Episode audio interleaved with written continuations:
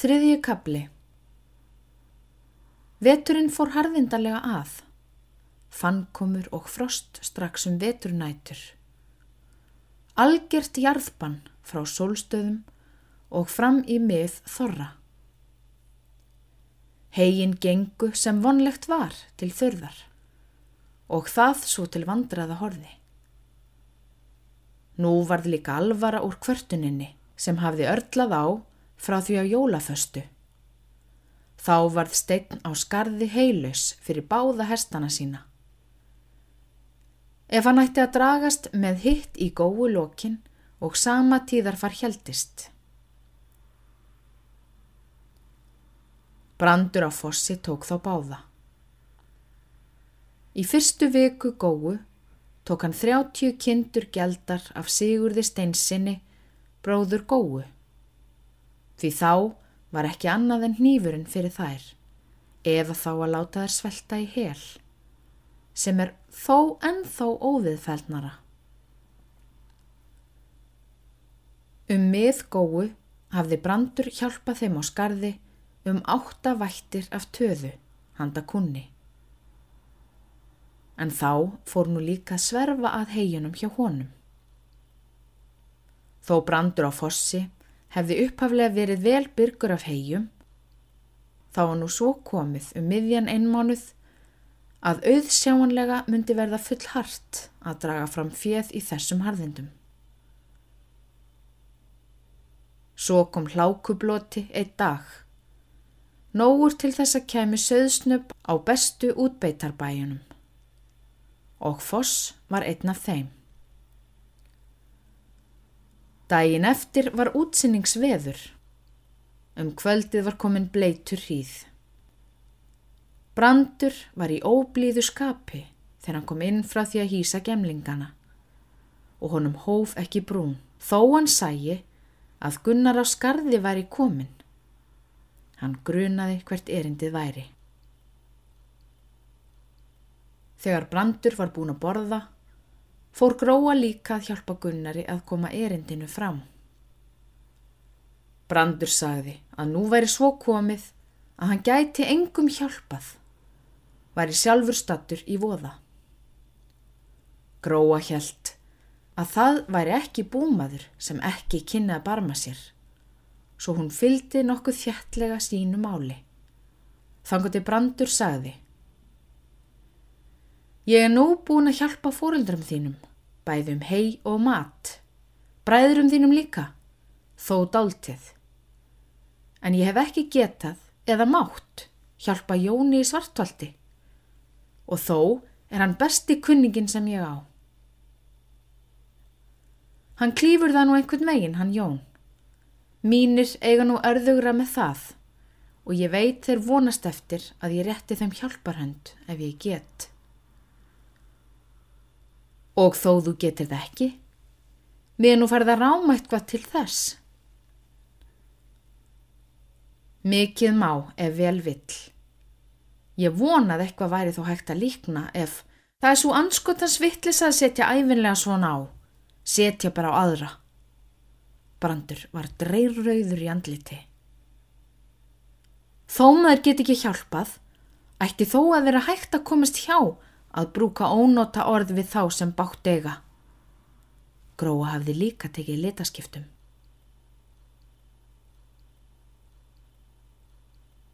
Samtalið varði litlu lengra og litlu innilegra millir hjónana.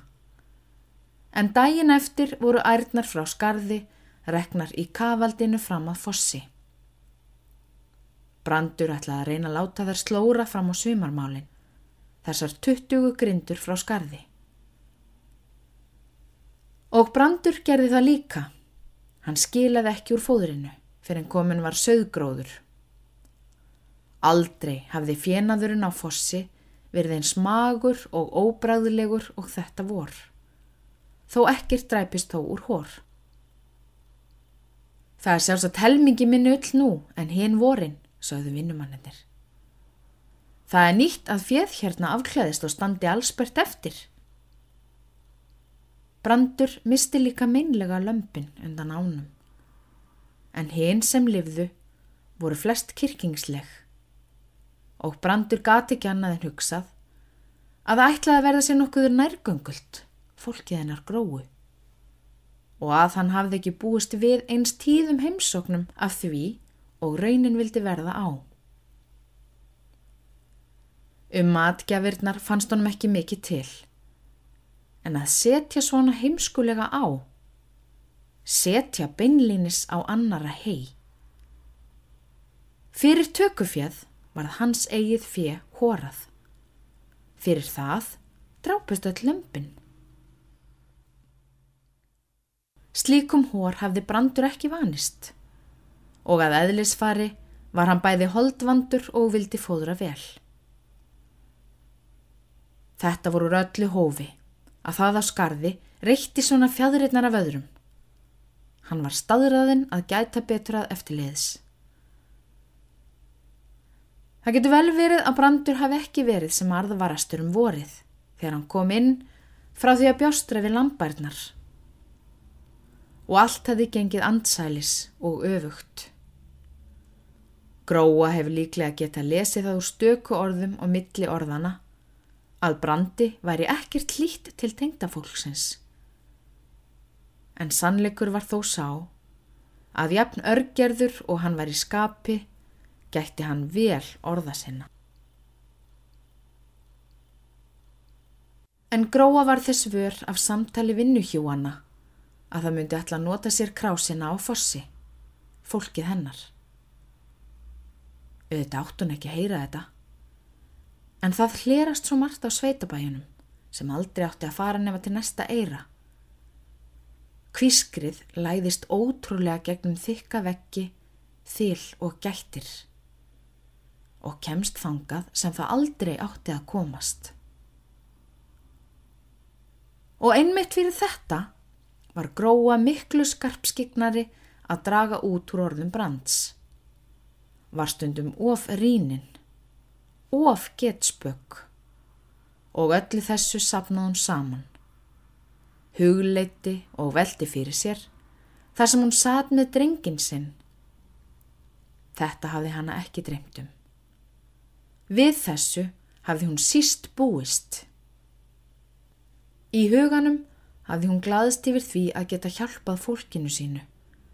Talið sjálfsagt að hún gerði það og enginn myndi fá sér annaðins til umtals. En svona reyndist það. Takmörkin voru skýr og svo ótrúlega nærri.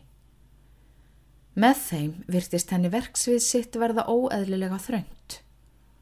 Framúr skarandi ófrjálst og ránglátt.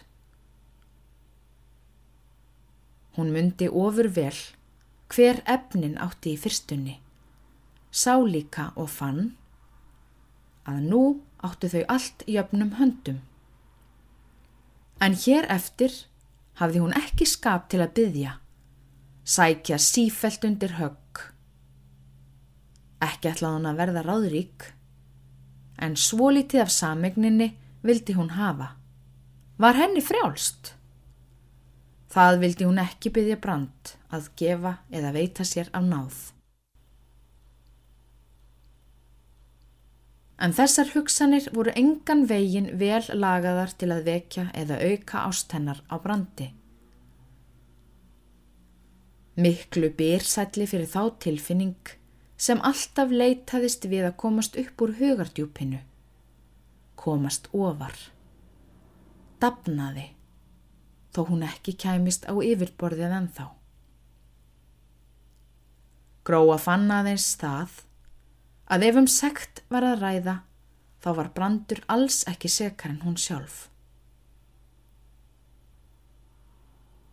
Brandur hafði nú einu sinni högfið eftir því að gróa hafði gengið lengra en skinsamlegt og sangjant var. Og eftir það fór hann líka virða fyrir sér og leggja saman. Hvað honum myndi hafa þótt miklu vætna um gróu ef fólkið hennar væri ekki að tróðast á millið þeirra. Og alveg óstjórnlega vendum hana ef hún hefði svipaða skoðanir og hann sjálfur. Ef hún væri nokkuð hlýri og innilegri Þó hana langaði til að bregða sér smá ferðir var það ekkit undarlegt. Gatt líka lagast með tímanum og þó hún væri ekki eins vakandi og sjónhaug við búsísluna og móður hans hafi verið, þá gatt það líka lærst og lagast með tímanum. Hann vildi hjálpa fóreldrum hennar, að þau gerðu það bæði í saminningu, en ekki að tengda fólkið nitti sig til að hjálpa, þó hann gæti það ekki. Gunnar gatt stutt búið betur en hann gerði. Nú var búið að ferma yngstu börnin. Bara þau væru öll á skarði samtaka með að hjálpa sér sjálf. Starfa. Halda áfram. Það vildi brandur hafa. Það mátti heita að gróa væri hægt að byggja um nokkuð hagræði, þó fólkið hennar kæmi að fossi og brandur kvatti oftar en einu sinni til þess þau gæfi fórildrum hennar kind eða vikju öðru því sem hann vissi að þau vantaði. Og gróa tók því líka gladlega og virti það við hann. En hún gat samt ekki lagt niður venju sem hún hafði fyrir skömmu vanist á. Hún hafði lært að gefa, sjálf, án þess að brandur vissi án þess að heimilisfólkið vissi. Þess vegna fekk hún sting fyrir brjóstið þegar brandur kvatti til gjafana. Var sárast fyrst. Svo vandist hún betur við og loks kvarf sársökin alveg. Gróa var vöna að hafa eina vinnukonu í vittorði með sér. Þá sem hún trúði best þegar hún var að gefa svona að baki bonda síns. En þegar fram í sótti fór hún líka að versla að baki hans, senda smjör og ull og fá aftur kaffi og sikur eða önnur þægindi í búið. Gróu var farið að þykja kaffi svo einstaklega gott og hressandi. Þurfti drjúum að halda á því. Það vildi ekki rökkva almenlega sem brandur tók til ársins. Þó hann raunar væri ekkert smá tækur á kaffikaupin, nema með því að hún dríði þá þennan hátt, húsfriðan.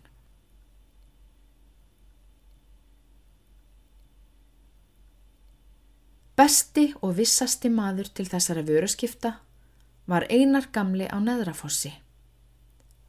Það var Roskin Bondi sem aldrei hefði getað blómkast í búskapnum. Þó hann hefði unnið baki brotnu, aldrei hefði komist herra en að hafa fæði og heldur lítill klæði handa sér og sínum. Það hafði hann líka æfinlega barist við, með þeim hætti, að draga sí og æ að búinu, bera á bakinu, standa í sífældum aðdráttarferðum bæði innan sveitis og um nærsveitirnar. Náttúrlega fór hann fjöldamargar köfstaðaferðir, engum að vetrinum til. Einarkarlinn hafði þótt fremur grannvitur en ráðvandur og bongóður. Hann var almennt kallaður meinleisis maður. Gróa var vön að vikjað einari einhverju fyrir þessa smá verslun og Karlin vissi ofur vel að slíkt lítilfjörlegt viðskiptabauk átti ekki að fara margra á milli. Það er ekki langt á milli fossbæjana, ekki lengra en svo að Brandur hafði oft leikið sér að því þegar hann var ungur að standa á neðsta húsluðinni á Efrafossi og skjóta af hrossrifsbóganum sínum. Svo örvarnar stæðu í þekjunni á heginu við efstahúsið á Neðrafossi.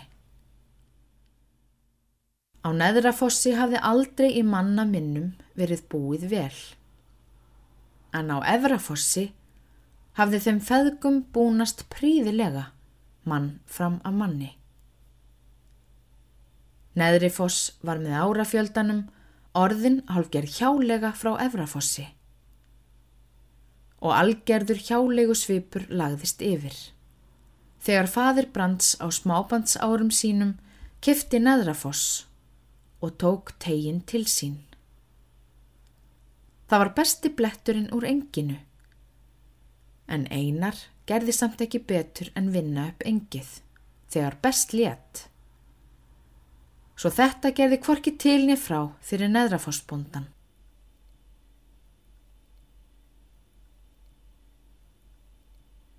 Kona Einars hétt Snjólaug og þótti miklu greindari og meiri skörungur en bóndin. Hún hafi bæði töglin og halldirtan á heimilinu. Þar hafði ekki heldur örlað á ósamþykki þó lítil væru efnin. Einar var svo minnlus og góður til aðdráttanna, sí eljandi og næjusamur. Hún varð að meta það, konan. Hún var svo skynsam. Börnin voru fimm, þrýr drengir og tvær stúlkur. Sigurður var elstur og þá komin í vinnumennsku. Þórun um tvítugt og germundur átjón vetra. Hinn tvö voru annað nýju, hitt 11 vetra. Geirmundur var bráðþroska og friskleika piltur til hvers sem hann gekk. Líkur til að laga búnaðin hjá fóreldrum sínum því hann var talin gott fjármannsefni. En það hafði gamli einar aldrei verið. Öðru nær.